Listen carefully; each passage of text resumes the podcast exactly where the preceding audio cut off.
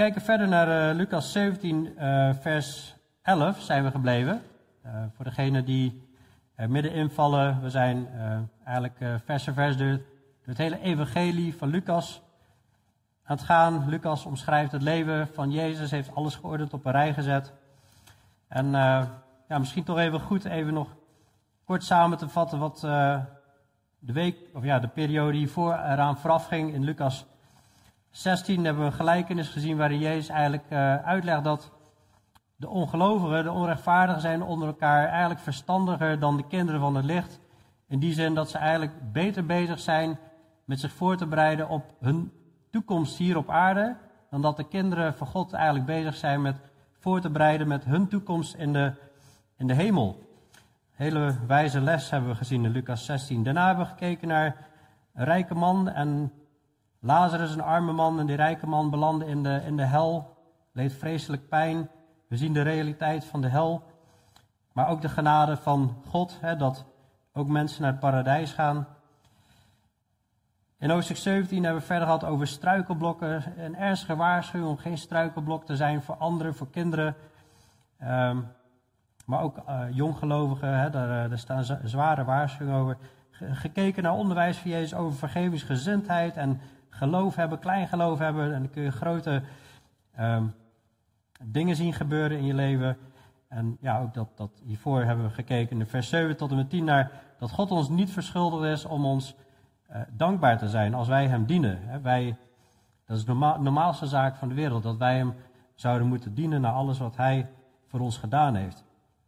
En dan gaat het verder in uh, Lucas 17, vers 11. En vandaag behandel ik eigenlijk drie punten de genezing van binnen, wat het allerbelangrijkste is. Hoe Gods koninkrijk zichtbaar wordt. En uh, Jezus spreekt over het einde zal zijn als de dagen van Noach. Vers 11 tot en met uh, eh, 19. Het gebeurde toen Jezus naar Jeruzalem reisde dat hij dwars door Samaria en Galilea heen trok. Galilea ligt noordelijk, Samaria ligt zuidelijk. En toen hij een zeker dorp wilde binnengaan, kwamen tien melaatse mannen naar hem toe, die op een afstand bleven staan. En zij verhieven hun stem en zeiden, Jezus, meester, ontferm u over ons. En toen hij hen zag, zei hij tegen hen, ga heen en toon uzelf aan de priesters. Het gebeurde terwijl zij heen gingen dat zij gereinigd werden. En toen een van hen zag dat hij genezen was, keerde hij terug, terwijl hij met luide stem God verheerlijkte. En hij wierp zich met het gezicht ter aarde voor zijn voeten en dankte hem. En dit was een Samaritaan. Toen antwoordde Jezus en zei: Zijn niet de tien gereinigd? Waar zijn dan de negen anderen? Zijn er dan geen anderen gevonden die terugkeren om God de eer te geven dan deze vreemdeling? En hij zei tegen hem: Sta op en ga heen. Uw geloof heeft u behouden. Dus Jezus is reizende en hij wil een zeker dorp wil hij binnengaan. En er komen tien man en die zijn melaats. En die komen naar hem toe en die, en die bleven op een afstand staan en die, die, die roepen dus, hè, ze verhieven hun stem en zeiden, Jezus, meester, ontferm u over ons. Nou, dat was hun ook geboden volgens de Joodse wet, dat als je melaats bent, dan moet je afstand houden. Social distancing, dan zie je eigenlijk al in Leviticus 13 en 14, en dat bij ernstige ziektes, dat er uh, ja, social distancing werd ingevoerd, wel bij ernstige ziekten. Hè, want wij... Uh, kennen eigenlijk nog steeds melaatsheid, maar daar komt nog best veel voor in deze zuidelijke landen. Een hele vervelende, nare huidaandoening uh, krijg je. En uh, ja, wanneer dat uh, doortrekt, dan, dan, dan vallen zenuwen vallen uit en uiteindelijk kunnen vingers en tenen kunnen, kunnen afvallen en zo. Dus ja, het is echt een, vreselijke ziekte. En over het algemeen werd je er ook niet door genezen. We zien ook een voorbeeld van de koning Uzia die uh, melaats wordt en eigenlijk tot zijn dood toe eigenlijk uh, gewoon daar uh, ziek van was. Een enkele keer zie je een uitzondering zoals bij Maria, niet Maria, maar Mirjam, de zus van Mozes, die kortstondig dat heeft, maar dat was even een, een, een oordeel tussendoor. Een erge ziekte. En zij hebben geloof en vertrouwen dat Jezus hun misschien kan helpen. En ze roepen het uit, meester ontferm u over ons. En toen Jezus hen zag, zei hij tegen hen, ga heen en toon uzelf aan de priesters. En het gebeurde terwijl ze heen gingen dat zij gereinigd werden. De reden dat Jezus zegt, ga heen en toon jezelf aan de, aan de priesters, dat is een, uh, eigenlijk een gebod in uh, Leviticus 13 en 14. Dan zie je hele uitgebreide, best wel complexe instructies over hoe je de ziekte van melaatsheid kan beoordelen. En uh, nou, wanneer je genezen bent, moet dat ook weer beoordeeld worden. En daarom zegt Jezus eigenlijk, ga er alvast heen. En terwijl ze erheen gaan, uh, ja, dan worden ze dus gereinigd. En een van hen die zag dat hij genezen was. En uh, hij keerde terug. Terwijl hij met luide stem God verheerlijkte. Oh, dank u Heer. Hè. Jij was met luide stem, was hij de Heer aan het prijzen. Dus dat is het eerste wat we hem zien doen. Eentje komt terug, niet de andere negen. En hij prijst met luide God en verheerlijkte hem. En met luide stem, eh, met luide stem verheerlijkt hij God. Het tweede wat hij doet is hij, hij werpt zich vervolgens met het gezicht ter aarde voor zijn voeten neer. En het derde wat hij doet is hij, hij dankt hem. Hij is ontzettend dankbaar. En het mooie is, dit was een Samaritaan. Een Samaritaan, dat, was een, dat zijn, zijn de halfjoden. En de Joden, Joden hadden eigenlijk normaal geen omgang met Samaritanen en met heidenen, hè, want die waren onrein. Maar juist deze man, die niet bij Gods volk hoorde, die is dankbaar en die aanbidt Jezus. Toen antwoordde Jezus en zei, zijn niet de tien gereinigd? Waar zijn dan de negen anderen?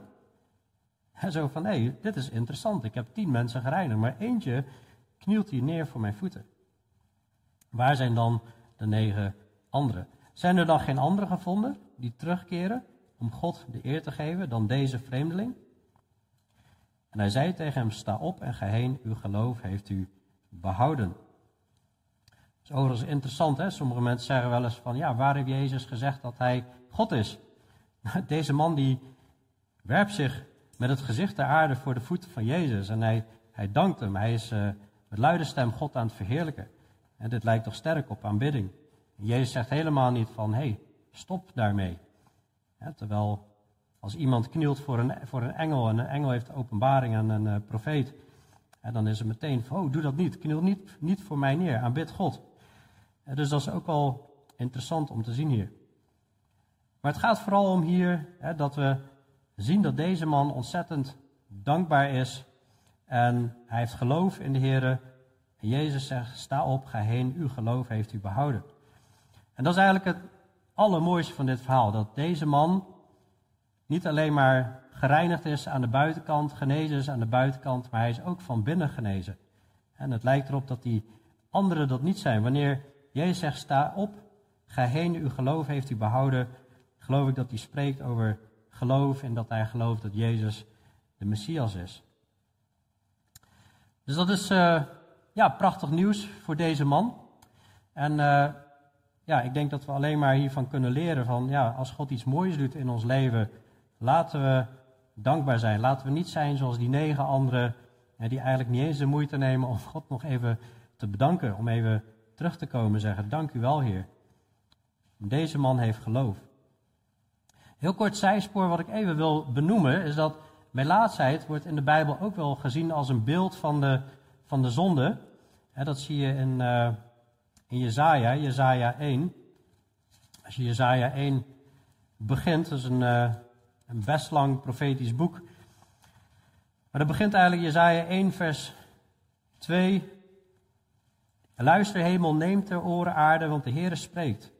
Ik heb kinderen grootgebracht en doen opgroeien maar zij zijn tegen mij in opstand gekomen. Nou, in vers 3, eh, tweede deel. Maar Israël heeft geen kennis, mijn volk heeft geen inzicht. Wee het zondige volk, volk van zware ongerechtigheid, nageslacht van kwaaddoeners, kinderen die verderf aanrichten.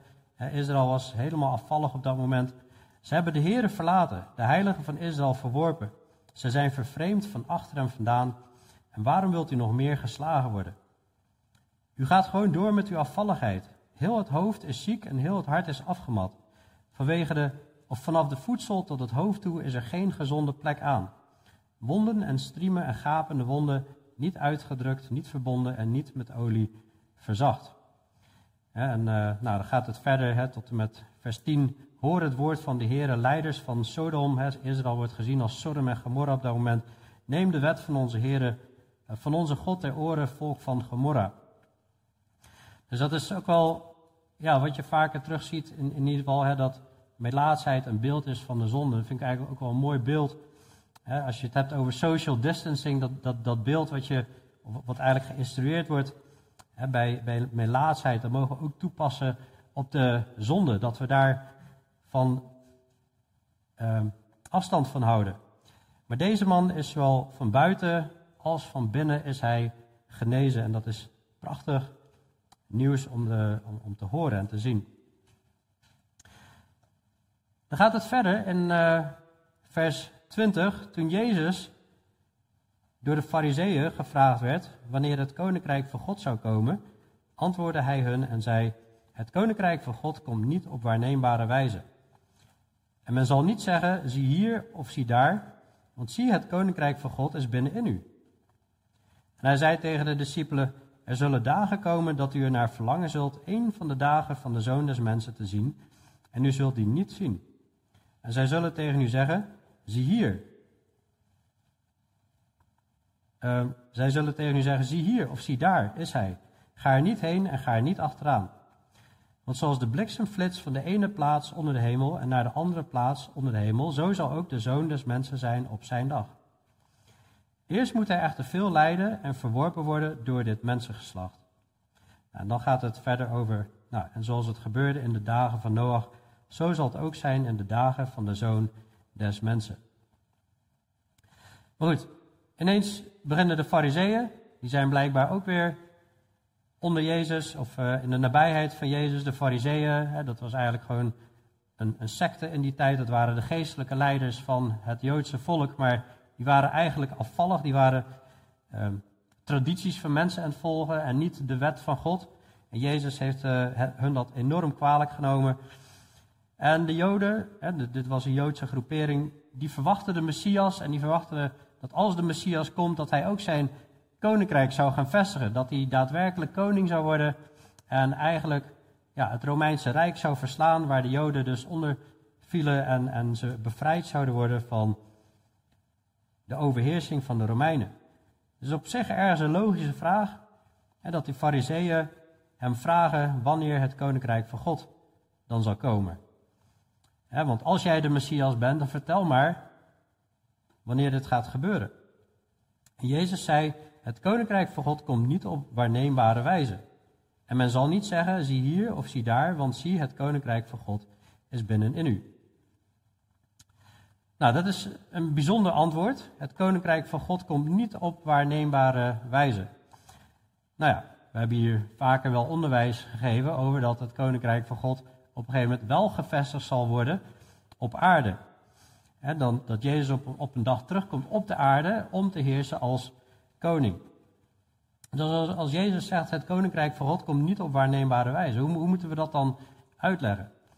Nou, wat ik geloof wat hij bedoelt is dat hij op dat moment niet op uh, het koninkrijk van God niet op waarneembare wijze komt, in die zin van dat er een leger komt, dat Jezus komt om de Romeinen te verslaan. Ja, maar het koninkrijk van God, men zal niet zeggen zie hier of zie daar, want het koninkrijk van God is en de herziende statenvertalers vertalen het hier als, als binnenin u, maar als je kijkt naar de voetnoot, er staat bij mij een voetnoot, het koninkrijk van God is in het midden van u. De English Standard Version vertaalt ook met the eh, kingdom of God is in your midst. En ik denk dat dat een betere vertaling is, omdat de fariseeën die gingen natuurlijk tegen God in. Er wordt, wordt, wordt zelfs gezegd dat ze um, ja, van de duivel zijn, zei Jezus op een gegeven moment. Dus ik geloof niet dat het koninkrijk van God in hun is, binnen in hun, hè, maar wel in het midden van hun. Ja, en hoe kunnen ze dat dan weten? Nou, Jezus heeft eerder al gezegd, toen we in Lucas 11 aan het kijken waren, hij doet al die wonderen, hij doet al die tekenen. En Jezus had een, een, een debat met hen. En ze zeggen, ja, maar hij, hij drijft uh, de demonen uit door de Belial, door de duivel. Maar Jezus zegt, als ik door de vinger van God nou goed, daar heeft hij een verhaal over, maar uiteindelijk zegt hij: Als ik door de vinger van God de demonen uitdrijf, dan is het koninkrijk van God bij u gekomen. Je ziet eigenlijk de, de wonderen, je ziet de tekenen, je ziet dat God hier op aarde aan het werk is. En daaraan had je moeten herkennen: het koninkrijk van God is bij u. Eh, later bij de uitstorting van de Heilige Geest zegt Petrus op een gegeven moment: Israëlitische mannen, luister naar deze woorden. Jezus de Nazarener, een man die u van Gods wegen aangewezen is door krachten, wonderen en tekenen die God in uw midden door hem gedaan heeft, zoals u ook zelf weet. En dus God de Vader had hem aangewezen hè, als de Messias, als de middelaar tussen God en mensen. Als degene die de verlossing kon brengen van het eeuwig oordeel. En door God aangewezen door krachten, wonderen en tekenen. En dus dat zouden ze moeten zien, dat het koninkrijk van God al in hun midden is. En uiteindelijk zie je ook eh, in Johannes 3 hè, dat uh, Jezus in gesprek is met Nicodemus, een fariseer, maar die wel open hart voor God heeft en oprechte vragen stelt. Jezus is in gesprek met hem en hij zei tegen hem, voorwaar, voorwaar, ik zeg u, als iemand niet opnieuw geboren wordt, kan hij het koninkrijk van God niet zien. En Nicodemus zei tegen hem, hoe kan een mens geboren worden als hij oud is? Hij kan toch niet voor de tweede keer in de buik van zijn moeder ingaan en geboren worden? En Jezus antwoordde, voorwaar, voorwaar, hè, dat is echt waar, echt waar. Ik zeg u, als iemand niet geboren wordt uit water en geest, kan hij het koninkrijk van God niet binnengaan. Je wordt één keer vanuit het water geboren hè, en de tweede keer hè, word je vanuit de geest geboren. Wat uit het vlees geboren is, is vlees. En wat uit de geest geboren is, is geest. En dat gebeurt op het moment dat je Jezus aanneemt als je verlosser. Als jij gelooft dat Jezus voor je zonde is gestorven, hè, dat hij is begraven en opgestaan, de dood heeft overwonnen, dan mag je kind van God worden. En dan mag je het koninkrijk van God mag je zien. Je wordt opnieuw geboren en je mag het ook binnengaan. En dan zie je dat het koninkrijk van God uh, er is. En dat mag je dus binnengaan. Nou goed, vervolgens wendt hij zich tot de discipelen en zegt: Er zullen dagen komen, vers 22, er zullen dagen komen dat u er naar verlangen zult één van de dagen van de zoon des mensen te zien. En u zult die niet zien. Dus Jezus geeft eigenlijk al aan van, er komt een periode en dan zul je naar deze tijd terug verlangen. Dat je gewoon met Jezus kon eten, dat je gemeenschap kon hebben, fellowship kon hebben met Hem. Daar zul je naar verlangen, maar die zul je niet zien. Als we kijken in Lucas 21, dan gaat Jezus ook over de eindtijd spreken. En dan vertelt hij over dat er een, een verdrukking zal komen, een, een, vervolging van de christenen zal komen. In de tijd dat hij nog niet uiteindelijk terug is gekomen. En ik geloof dat hij nu aan duidelijk maken is van er gaan wat verschillende situaties zijn, hè, totdat uiteindelijk Jezus op aarde terugkomt om koning te worden. De, de dag van de zoon des mensen. En hij gaat verder om te zeggen, zij zullen tegen u zeggen, zie hier of zie daar is hij, de Messias. Ga er niet heen en ga er niet achteraan. En dus mensen zullen komen en zullen eigenlijk gaan misleiden. Er komt een periode aan en dan zullen mensen zeggen, de Christus is hier of de Christus is daar. Wij hebben het ontdekt. Nee, je moet hier zijn in dit land of je moet daar zijn. En zo zie je eigenlijk door de eeuwen heen.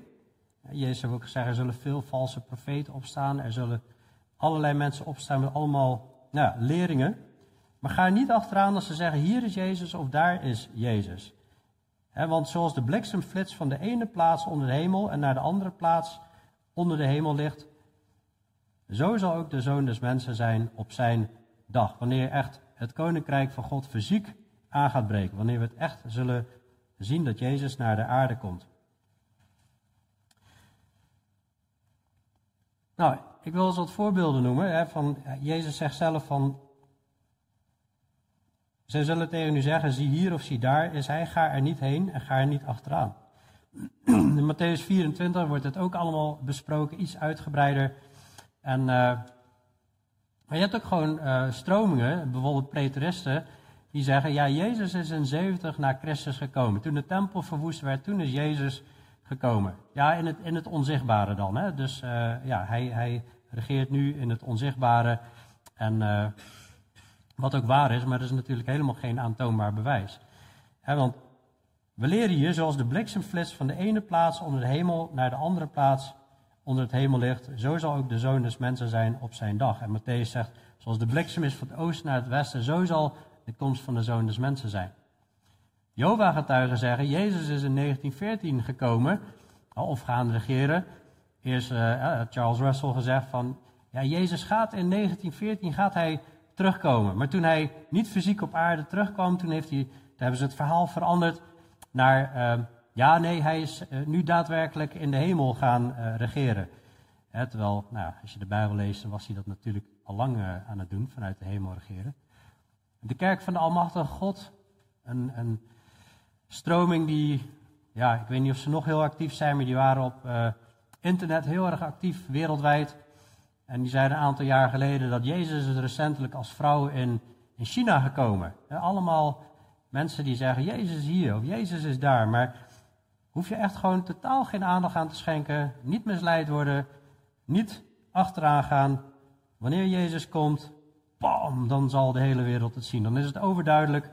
Een bliksem, zoals de bliksemflits, zo zal het zijn. En zelfs al heb je verduisteringsgordijnen en dan zie je met hele heftige lichtflitsen, dan zie je nog steeds dat er doorheen. En tegenwoordig met je mobieltje, dan kun je helemaal alles zien uh, wat wereldwijd gebeurt. Zo zijn er meer voorbeelden. Ik weet niet of ik het goed uitspreek, Lilian. José Luis de Jesus. Jezus. Nou, in ieder geval, volgens mij is dat Spaans, maar in ieder geval oprichter en leider van de Crescendo en Gracia secte Growing in Grace International Ministry, gevestigd in Miami, Florida. Hij beweerde zowel de terugkeerde Jezus Christus als de antichrist te zijn en toonde een 666-tatoeage op zijn onderarm. Hij heeft naar zichzelf verwezen als Je Jezu Christo Hombre, wat zich vertaalt naar Jezus Christus mens geworden. Excuses voor mijn uh, Spaans, is niet, uh, niet al te best, maar... En toen kwam uh, het bericht in de media, de onsterfelijke prediker die zich Jezus en Antichrist noemde, is toch overleden. Geloof het niet, ga er niet achteraan. Zo zullen er vele voorbeelden zijn. Nou ja, als je gaat googlen heb je hele lijsten van allemaal mensen die zich de Messias hebben genoemd. Ik, heb zelfs met evangeliseren een keer een bezeten man ontmoet die, die zich Jezus de Nazarener noemde. Nou, ik wist meteen van, nou, hier klopt natuurlijk niks van, want deze teksten staan er. Dus dat is eigenlijk wat Jezus zegt. zo zal het gebeuren. Iedereen zal het uiteindelijk zien. Lucas 9 zegt, de zoon des mensen moet veel lijden, verworpen worden door de oudste overpriesters en schriftgeleerden en hij moet gedood en op de derde dag opgewekt worden. Sorry, ik lees al een tekst te vroeg voor.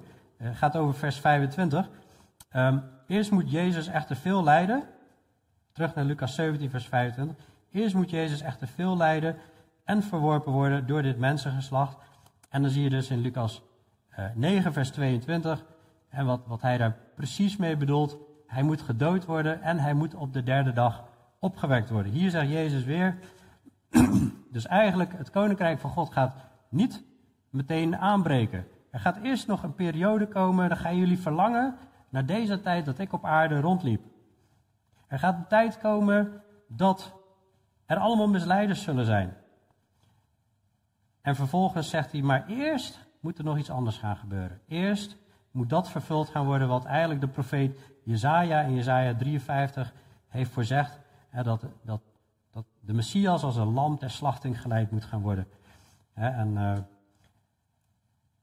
eigenlijk aan de ene kant een vreselijk verhaal, want dit is de missie waar Jezus voor kwam om afgeslacht te worden.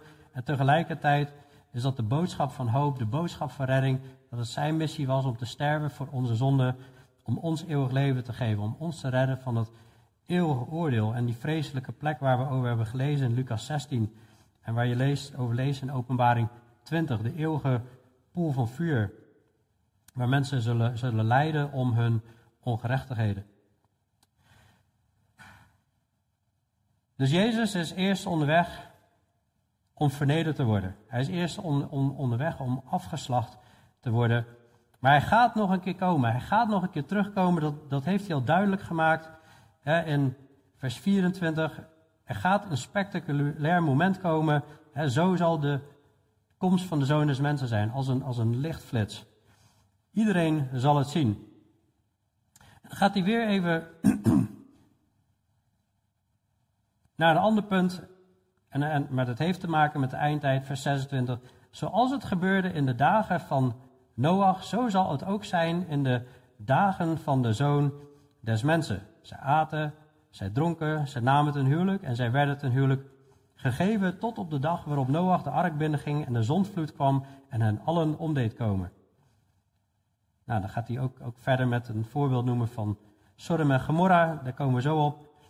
Maar eerst zien we dus eigenlijk in vers 24, hè, zo zal ook de zoon des mensen zijn op zijn dag. En dan lijkt het te gaan over één specifieke dag waarop alles gaat gebeuren.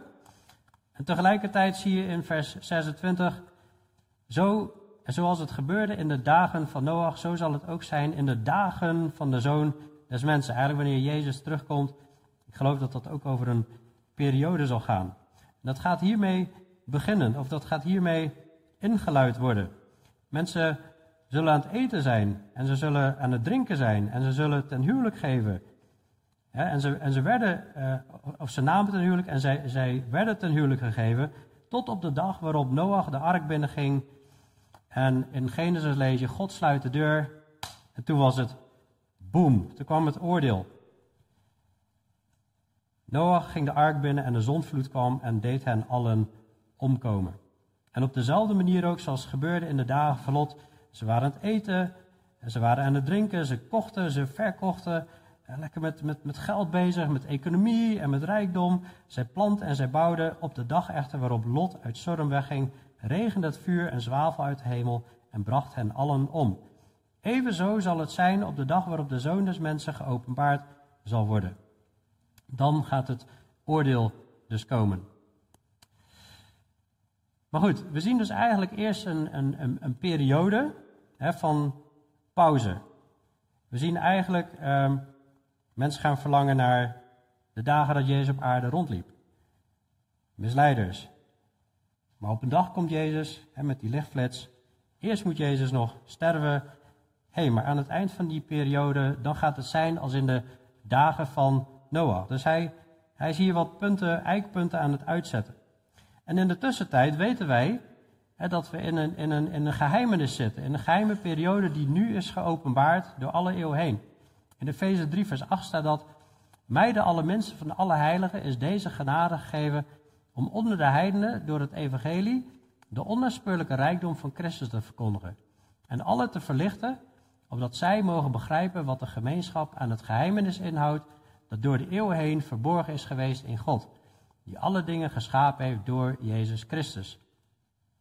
En opdat nu door de gemeente aan de overheden en de machten in de hemelse gewesten de veelvuldige wijsheid van God bekend gemaakt zou worden. Volgens het eeuwige voornemen dat Hij gemaakt heeft in Christus Jezus onze Heer. In Efeze 5 zie je ook een, een geheimenis wat ons geopenbaard is. En dat is dat, dat ja, Christus en de gemeente, en dat eigenlijk het huwelijk is daar een beeld van. En dat God bezig is zijn de bruid van Jezus nu op dit moment binnen te halen. En wij zijn die bruid, wij zijn de gemeente. En God heeft dit door alle eeuwen heen verborgen. Tegelijkertijd, als je terugkijkt in het Oude Testament, dan zie je het eigenlijk wel aanwezig. Door de eeuwen heen is het verborgen, een geheimenis. En dat, dat gaat natuurlijk over het evangelie. En um, en, en zodat nu in deze tijd door de gemeente aan de overheden en de machten in de hemelse gewesten de veelvuldige wijsheid van God bekendgemaakt zou worden. En de overheden en de machten in de hemelse gewesten, ik geloof dat dat overeenkomt met wat we in Efeze 6 zien. En dat zijn ja, de, de, de machten van de duisternis. En tegelijkertijd kunnen dat natuurlijk ook uh, de engelen zijn aan de kant van God. En dat wij door Gods woord te brengen, door Gods woord te openbaren, het raadsbesluit van God te brengen. En dan zien we zelfs in, in 1 Petrus 1, de engelen zijn begeerig om hierin in te zien. ook als je kijkt naar het thema hoofdbedekking, er wordt ineens gezegd, een van de redenen dat je moet, moet doen is vanwege de engelen. Wij zijn hier de geheimenissen van God aan het openbaren aan de hemelse gewesten en maken de veelvuldige wijsheid van God bekend. En natuurlijk is het ook voor ons tot opbouw. En dat, dat zien de hemelse gewesten. Die zien dat mensen zich willen onderwerpen aan het gezag van God. En blijkbaar onderwijzen we daar de geestelijke wereld ook mee. Maar God heeft hier dus een, een tijd en een, een plan neergelegd waar hij nu op dit moment mee bezig is. Maar het, het gaat eindigen en dan zal het de vorm hebben zoals in de dagen van Noach. We kijken eigenlijk een beetje op deze manier er tegenaan. Onno heeft het ook al, ooit een keer zo geconstrueerd. Ik heb het gereconstrueerd. dat, is een, dat is een plaatje van een, een, een, kunstenaar. Waarbij je hier eigenlijk een profeet hebt in het Oude Testament. Oud-testamentische profeten. die, die konden wel zien dat de Messias kwam en, en, en dat er een kind geboren ging worden die ook God is. En, en ze zien iets op het eind dat hij ook Messias wordt en dat hij ook nou ja, gaat heersen en gaat regeren. maar die knip daartussenin, die hebben ze blijkbaar niet gezien. Die was nog niet geopenbaard. En die wordt hier geopenbaard. En daarom zit hier een, een tijd tussen. En als je dit zo even leest, is het nog niet helemaal helder. Maar wanneer je alle eindtijdgedeeltes op een rij gaat zetten, dan wordt dat kraakhelder. Wij kijken er nu zo tegenaan. Oh, en dan heb je een veel duidelijker beeld ervan. Hè? Want ja, wij hebben nu het boek Openbaring en, en we hebben het complete raadsbesluit van God hier voor ons liggen. Kom ik straks nog even op terug. Het einde zal zijn als de dagen van Noach. Dus, lekker eten, lekker drinken, ten huwelijk geven. Er zijn op zich dingen waar niks mis mee is want dat, dat doen wij als christen ook. Maar als het alleen maar daarbij blijft en God is er niet bij betrokken, we leven niet met God, dan is het allemaal plat en horizontaal. En dan mis je je doel. Ook in Sodom en Gomorra. Ze waren lekker aan het eten, het drinken en aan het handelen, economiebedrijven. En toch komt er in één keer een vreselijk oordeel. We zullen zien waarom dat is. We leren wel meer over de situatie van uh, de dagen van Noach bijvoorbeeld 2 eh, Petrus 3, daar leren we, dit moet u allereerst weten, dat er in het laatste dagen spotters zullen komen die naar hun eigen begeerte zullen wandelen en zullen zeggen, waar is de belofte van zijn komst? Want vanaf de dag dat de Vader ontslapen zijn, blijven alle dingen zoals vanaf het begin van de schepping. En in de Petrusbrief wordt ook gesproken over dat oordeel van Sodom en Gomorra en, en, en de zondvloed van Noach. Terwijl Noach, hij was de prediker der gerechtigheid. Maar mensen geloofden hem niet, maar hij ging op een dag met zijn gezin die boot in en toen kwam het oordeel. En zo zal het ook zijn als de zoon des mensen komt.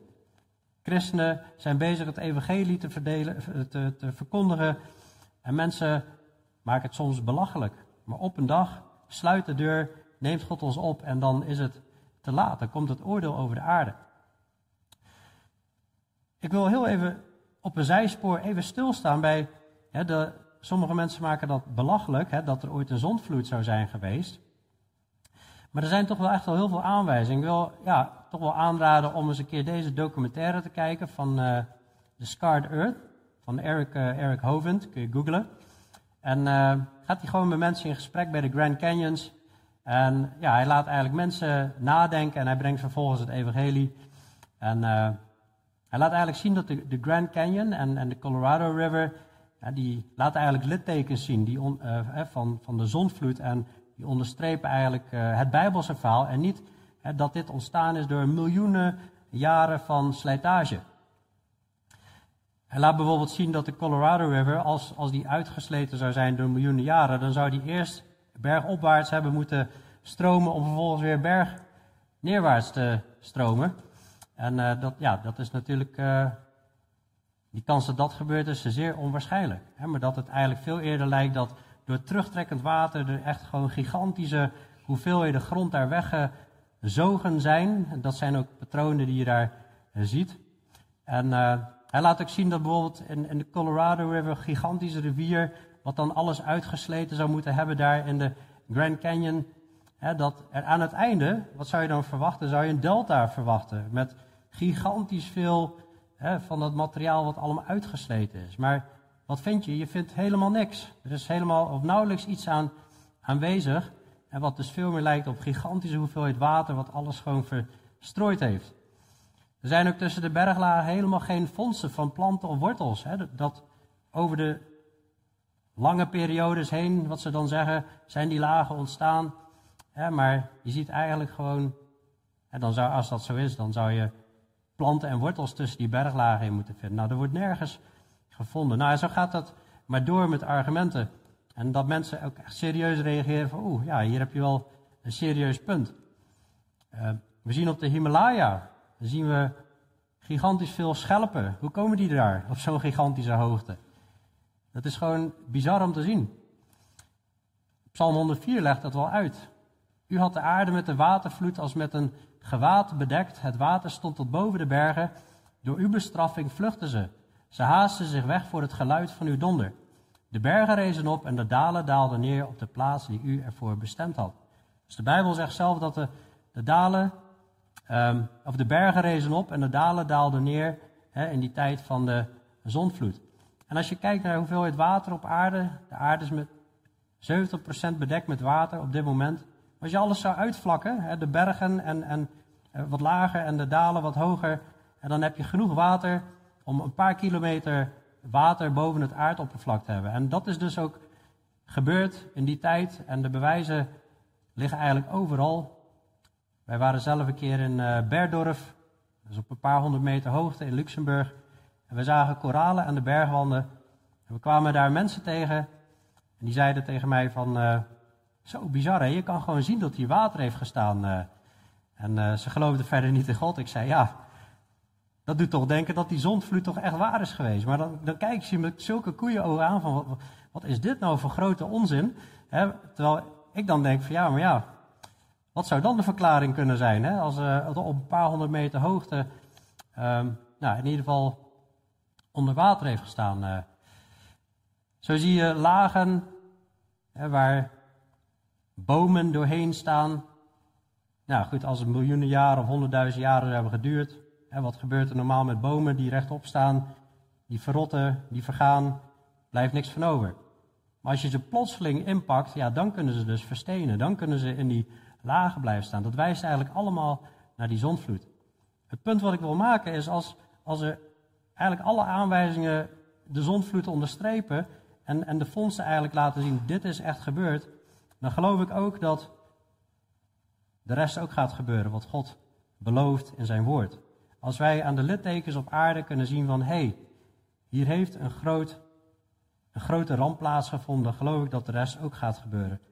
En sowieso heb ik die fondsen niet nodig. Ik geloof het omdat Gods woord het zegt. Maar ik vind het wel hele mooie onderstrepingen die we allemaal vinden. Wat vinden we nog meer over de dagen van Noach? Oké, ze drinken, ze eten, ze geven het een huwelijk. Er zullen spotters zijn. Maar als je in Genesis 6 gaat kijken, ik zou het liefst allemaal even doornemen nu, maar dat gaat uh, te lang duren. Doe dat vooral thuis. Maar je ziet in Genesis 6 vers 1 bevolkingsgroei. Je ziet dat God zegt, ik ga niet blijven twisten met de mens. ik ga die zondvloed sturen. Er is opstandigheid van de mensheid, bij de mensheid. Dan vind je een heel bizar verhaal over dat er seks is tussen geestelijke wezens en vrouwen. De zonen Gods kwamen bij de vrouwen en dan ontstaan daar reuzen uit. Wie zijn Gods zonen?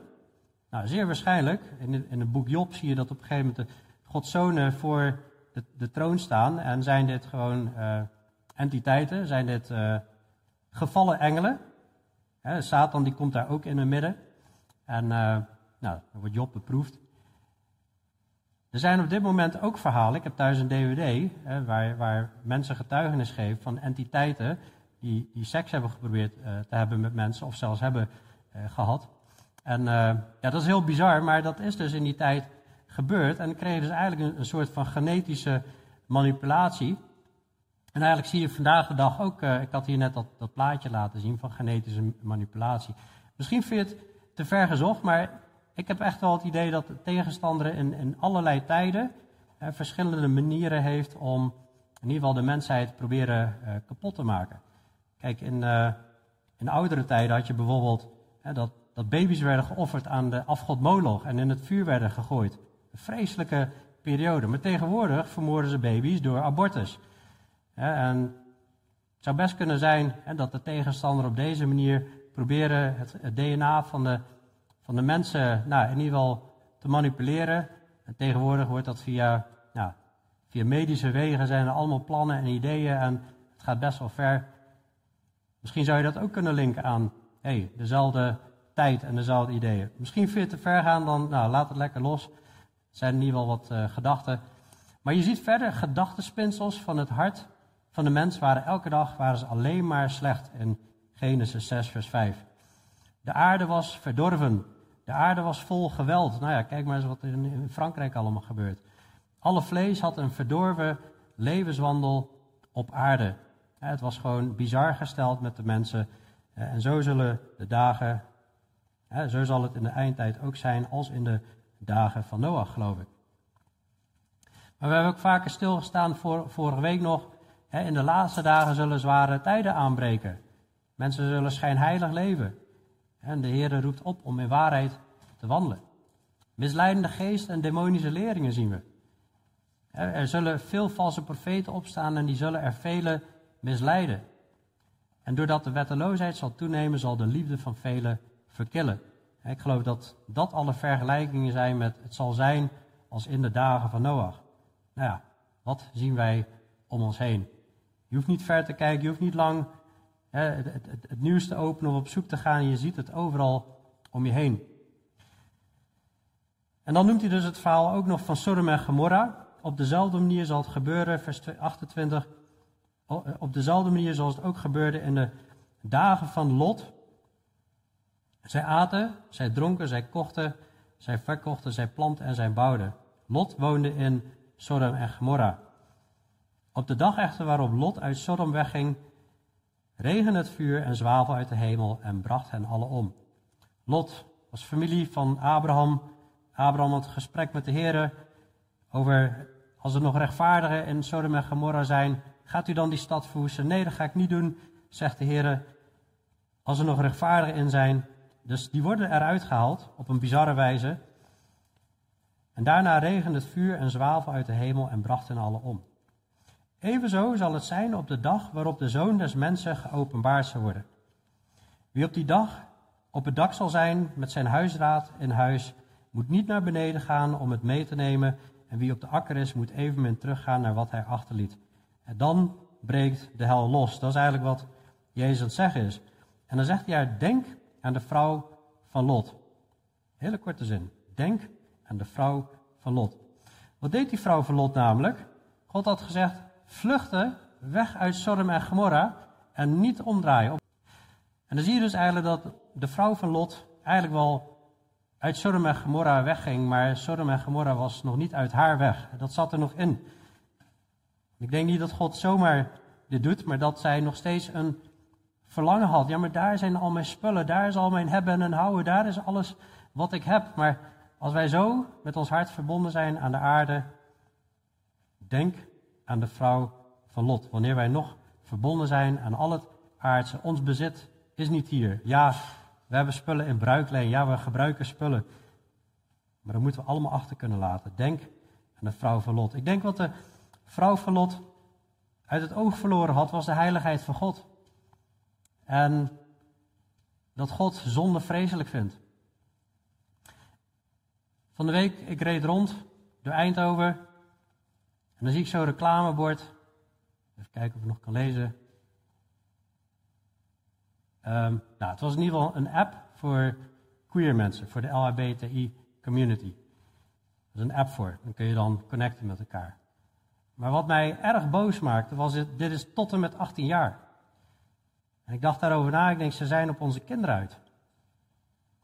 En ik weet niet of je dat wel eens gehad hebt. Ik, ik word wel eens boos en we moeten ons beheersen, maar ik voelde echt in één keer van binnen een, een, soort heilige toorn, een, soort woede over van wat ze eigenlijk wel niet aan doen zijn met, met de kinderen, met de jeugd, om die geestelijk zo te verminken en ze te misleiden om te denken, ja, hoe jij je voelt, zo, zo ben jij.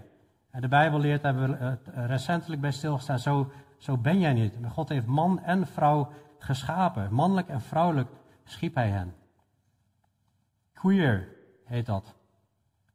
Dat is een platform voor queers. En er valt alles onder. Lesbian, gay, intersex. En inmiddels zijn er al, nou ik zat eens even te googlen, er zijn al, de een zegt meer dan 100, de ander heeft het over 300 genders. Ik weet niet wat ik nog, nog serieus kan nemen, maar het is gewoon te bizar voor woorden. Het is gewoon een en al verwarring brengen onder mensen, onder jongeren, om te zich te, laten, om te laten twijfelen over wie ze zijn en, en ze, ze zullen eigenlijk alleen maar onrust gaan ervaren.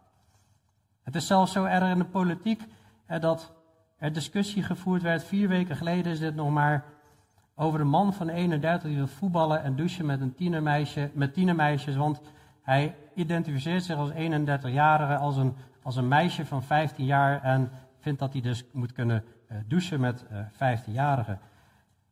En er zitten gelukkig wel mensen die eigenlijk zeggen, jongens, dit, dit is toch waanzin dat we het hier nog over moeten hebben. En dat wordt gewoon aangevallen. Maar dan denk ik, ja, Sodom en Gomorra, dat was homoseksualiteit. Daarmee heeft God Sodom en Gomorra geoordeeld. Maar ja, dit is gewoon nog een, een, een zo'n eind perverser. En dan mensen en, en mannen en vrouwen ombouwen. En dan denk je echt, heren, heren, kom spoedig. Aan de ene kant heb je zoiets, oh, wacht alstublieft voor degene die nog gered moeten worden. Maar als ik al dan zo'n gevoel heb van, jongens, waar gaat dit heen? Dan moet God dan wel niet denken. Maar dit gaat niet voor altijd zo door, zegt Jezus. Denk aan de vrouw van Lot. Die was volgens mij vergeten wat de mensen daar aan het doen waren. Laat je hart niet verbonden zijn aan de genietingen, aan alle rijkdom, aan al het mooie wat de wereld te bieden heeft. Want het is immoreel corrupt. Weg van de standaard van God. En God gaat dat oordelen. Vers 33. Wie zijn leven zal proberen te behouden, zal het verliezen. En wie het zal verliezen, zal het behouden. Dat geldt voor de mensen in die tijd. En wanneer dat oordeel komt. Maar dit is ook een algemene tekst die Jezus op meer plekken gebruikt heeft. Los van de context van de eindtijd. Ook wanneer je zo sterft. Dat God roept op jezelf te verloochenen, Jezus te volgen. Wie zijn leven zal proberen te behouden, zal het verliezen. Wie het verliezen zal, die zal het juist behouden. Wanneer je zegt, ik geef mijn leven op om de Heer te volgen. Ik wil u geloven, ik wil het evangelie aannemen.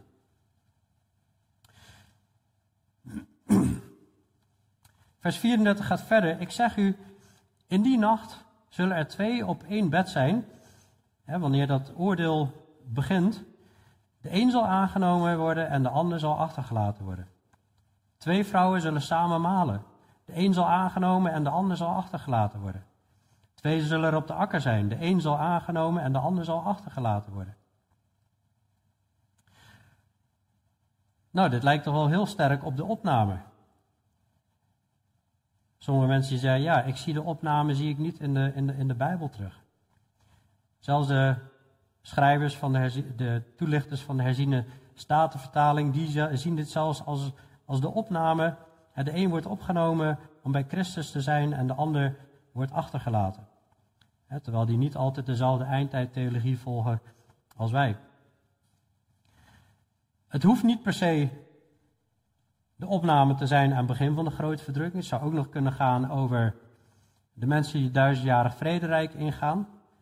En tegelijkertijd, het is wel een, een sudden moment. De een die ligt te slapen, die ander die is aan het ploegen. Wat overigens ook weer interessant is voor nou een stukje wetenschap vanuit wat, wat Gods woord al leert. Hè, dat je tegelijkertijd dag en nacht kan hebben. Maar goed, dat laat ik even terzijde. Maar in ieder geval, plotseling, één zal slapen en foem, één is weg. En de ander wordt achtergelaten. Twee vrouwen zullen samen malen. De een wordt aangenomen en de ander zal achtergelaten worden. En er zijn ook films en boeken over gemaakt over left behind. Sommige mensen zullen achtergelaten worden. nou goed, we zeiden al van, uh, soms kijk je naar die situaties en dan lijkt het over één situatie te gaan. Soms zit er dus een bepaalde tijd tussen. Maar als je kijkt hier, ik heb hier even een uh, parapluutje getekend. Hè, dit is de tijd van de antichrist. Dat zie je in, in, in het Oude Testament zie je daar over geschreven worden. In het Nieuwe Testament ook. Uh, in het Oude Testament lijkt het één moment te zijn, de antichrist komt en dan, dan vernietigt de Heer hem. Maar dit is toch wel een, een, langere periode. Ik teken even een parapluutje, omdat vers 37, daar zie je ook van zij antwoordden en zeiden tegen Jezus: Waar, waar zal dit gebeuren? Waar, heren, waar hebt u het over? En hij zei tegen hen: Waar het lichaam is, daar zullen de gieren zich verzamelen. Nou goed, um, je ziet verschillende momenten in, op verschillende uh, plaatsen in de Bijbel over vogels die zich verzamelen. Nou, ergens zie je dat op het eind, in uh, Openbaring 19, wanneer Jezus terugkomt. Hij vernietigt de legers en dan zullen de vogels eten van het vlees. Maar je ziet het ook al wel eerder. Je ziet het ook al wel eerder in Openbaring 18, wanneer Babylon vallende is, zij is gevallen, zij is gevallen het grote Babylon, Openbaring 18 vers 2, en een woonplaats van demonen geworden, een schuilplaats voor allerlei onreine geesten en een schuilplaats voor allerlei onreine en weerzinwekkende vogels. dus je ziet in de tijd van oordeel zie je vaker dat vogels zich verzamelen. En, uh, maar wat ik het idee heb, daarom teken ik even die, die paraplu. Als je leert over de eindtijd en over, uh, nou, de profeet Joel, die noemt het de grote en zeer ontzagwekkende dag van de Heer. En hij noemt het de dag van de Heer. En dan lijkt alles in één dag te gaan gebeuren, zeg maar. Maar we weten in het boek Openbaring, wanneer het oordeel komt, dat, dat er een hele lange periode van zeven jaar omschreven staat. We zien in Lucas 17, waar we net hebben gekeken, de dag van de zoon des mensen, maar ook dat er gesproken wordt over de dagen van de zoon des mensen. Meervoud. De dag des Heren, um, oh die heb ik dubbel. Uh, uh, de grote verdrukking wordt het ook wel genoemd in Matthäus 24. Uh, maar de komst van Jezus op aarde, wanneer eigenlijk de legers vernietigd worden, dat is, iets, dat is iets anders dan de opname van de gemeente. De opname van de gemeente is een ontmoeting met de Heer Jezus in de wolken. 1 Thessalonicense 4 vers 17. En zo zullen we voor altijd bij de Heer zijn. Dat is een boodschap aan de gemeente. De doden zullen opstaan die in Christus zijn. En die zullen naar hem toe gaan. Ontmoeting in de lucht, in de, in de wolken. En de levenden die overgebleven zijn, zullen dan ook met hem verzameld worden. wanneer Jezus op aarde terugkomt, dat moment van iedereen zal hem zien. En dan komt hij om te strijden met de legers. Uh, met de legers van de vijand. En dan kan het ook zijn dat mensen de opname zullen, uh, de zullen waarnemen. want het zal niet ongemerkt gaan. Als er mensen plotseling verdwijnen, dan zal dat niet ongemerkt gaan dus, uh, en er zal een bazuin klinken. Maar hoe dan ook, we leven nu in deze tijd. Er wordt gesproken, we hebben het recentelijk gehad over die laatste jaarweek van Daniel 9, gesproken over een periode van zeven jaar grote verdrukking, de grote en onzagwekkende dag van de Heer. Al die kenmerken die je daar ziet, die komen overeen met het boek Openbaring. En dan komt Jezus terug op aarde om voor duizend jaar te regeren, wat we in Openbaring zien. Dus het is heel belangrijk, geloof ik, dat we wanneer we de eindtijd bestuderen, dat we niet stukken gaan isoleren van elkaar, maar heel grondig schrift met schrift vergelijken. Om de scenario's, of in ieder geval de, de uh, niet scenario's, maar de activiteiten die gaan plaatsvinden, om dat goed op een rij te kunnen zetten. Dus we zien hier, plotseling gaat het gebeuren. Plotseling komt het oordeel. Hè, in de, in, in, hè, wanneer de dag des Heren aanbreekt, de dag van de Zoon des Mensen, situatie, mensen leven goddeloos. En dan komt plotseling dat verderf over hun. Een verdrukking zoals er nooit geweest is en ook nooit meer zijn zal. En op het eind komt Jezus en die gaat zijn koninkrijk vestigen. We zien ook in de tussentijd, voordat Jezus terugkomt, de bruiloft van het lam in de hemel. Dus dan zal de gemeente al daarboven moeten zijn. Wat ook weer bevestigt van, hé, hey, dan uh, zijn wij er niet meer hier op aarde. Jezus behandelt hier ook niet het vraagstuk van wanneer is de opname. Het vraagstuk wat hier behandeld wordt is wanneer komt dat koninkrijk van God. Nou, meer hierover in uh, preken die we hier online over hebben gegeven. Onder andere hè, de eindtijd in vogelvlucht. Uh, iets meer dan een uur gaan we daar doorheen. We hebben ook een preek over de opname van de gemeente. Daar gaan we veel meer in detail daarop in. Maar goed, wat kunnen we hier nou mee, praktisch? Hoe dan ook, Jezus komt terug, het gaat heftig worden. Zoals het nu is, dat gaat niet zo blijven. En ik vind het soms jammer dat de Bijbel is opgedeeld in hoofdstukken en opgeknipt is. Want het gaat eigenlijk gewoon verder. Dat Jezus zegt, en hij sprak ook een gelijkenis tot hen, met het oog daarop dat men altijd moet bidden en niet de moed verliezen. Ofwel, het kan moeilijk worden. Het kan pittig worden. Maar verlies de moed niet, wat de omstandigheden ook zijn waar je in zit. Blijf volhouden. Maar aan het eind van die gelijkenis zullen we natuurlijk later nog doorheen gaan. Vers 8. Dan zegt Jezus op het eind: Maar zal de zoon des mensen, als hij komt, wel het geloof op de aarde vinden? Zal hij nog mensen vinden die in geloof wandelen, die de Heer Jezus volgen, die van harte hem dienen? Zal hij die mensen nog vinden. En Jezus gaat vanaf nu nog wel vaker over de eindtijd spreken, Lucas 21 vrij uitgebreid. We zien ook nog een, gelijkenis, dat gaat ook over, ben jij klaar? Hè? Wat, uh, ga, je, ga je loon ontvangen? En steeds op momenten komt het wel weer wat terug.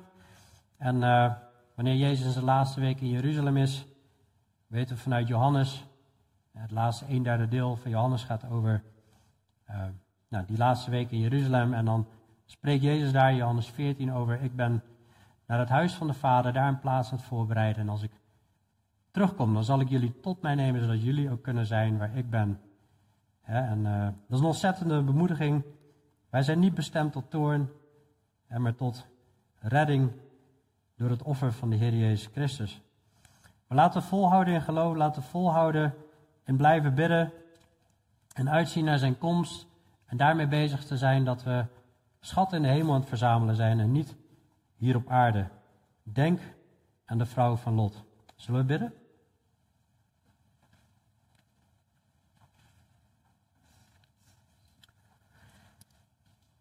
Hemelse Vader, Heer Jezus, Heer, dank u wel uh, voor uw woord. En uh, ja, er staat nogal wat. Er staat ook nogal wat, wat te wachten. Heer, en uh, aan de ene kant heftig, maar ik ben heel dankbaar dat we dat mogen weten, Heer. Ja, waarom we u volgen en waarom we veilig zijn in, in uw handen, Heer. Wanneer, wanneer we ons onderwerpen aan u, Heer. En dank wel dat u ons waarschuwt. Maar eigenlijk net als Noach die boten bouwen en in de boten stappen. Vanuit het geloof, Heer, in het evangelie te stappen. En uh, ja, de redding, Heer, die, die u aanbiedt. Op een gegeven moment gaat de deur dicht, zoals we weten, zoals u gezegd hebt. Heer, en we bidden dat nog velen tot bekering mogen komen. Heer, en ja, dat ook ieder die hier zit en deze boodschap heeft gehoord, dat ook ieder zich zal onderwerpen aan u, Heer. Zolang uh, u nog niet bent teruggekomen en zolang uh, we nog ademen, Heer, dat uh, ja, we toch de, de kans grijpen om, om u te volgen, Heer. En dat u dat zo bewerkt in de harten. Dat het ons ook helpt om vast te houden en ja, geven dat u ons mag vinden. Wanneer u ja, zich zal openbaren, Heer, dat we gevonden mogen worden, Heer, met geloof. En help ons om te blijven bidden. En de moed niet te verliezen. Het is af en toe, ja, de, wereld is af en toe door dolle heen, wat, uh, weet je, allemaal, ja, niet door dolle heen, maar in ieder geval, het is vreselijk wat we zien, hier in, uh, in de wereld om ons heen en hoe dat tegen nu ingaat. En het, het, wordt steeds maar gekker en gekker en ja, wat dat betreft roepen we echt uit, Heer, kom spoedig alstublieft en ja, let gerechtigheid, eh, gerechtigheid geschieden, maar ja, tegelijkertijd wilt u nog vele redden, Heer. En, uh, ik dank u dat we zo uw woord mogen openen en uh, dat het tot zegen mag zijn, hoop ik, Heer. Wilt u dat zo gebruiken en ons ook weer helpen deze week om uw woord toe te passen in ons leven en door geloof te wandelen. In Jezus' naam. Amen. Amen. Nog even een korte aanvulling, ben ik eigenlijk vergeten te zeggen. Dat is dat. Uh, um, ik geloof wel dat dat stukje over hè, dat vluchten naar. Um, in vers 31, wie op, de, op die dag op het dak zal zijn. Met zijn huisraad in huis moet niet naar beneden gaan om het mee te nemen. En wie op de akker is, moet evenmin terugkeren naar wat hij achterliet. Daar komen we nog op terug in, in, in Lucas 21. Waarbij ik geloof dat dat echt gaat over Joden in Judea, in Jeruzalem die dan echt gaan vluchten. En de eindtijd, grote verdrukking, is ook echt om de Joden tot bekering te brengen. En dat dat specifiek uh, daarover gaat, maar dat is nog even een kleine aanvulling. Daarmee wil ik het afronden.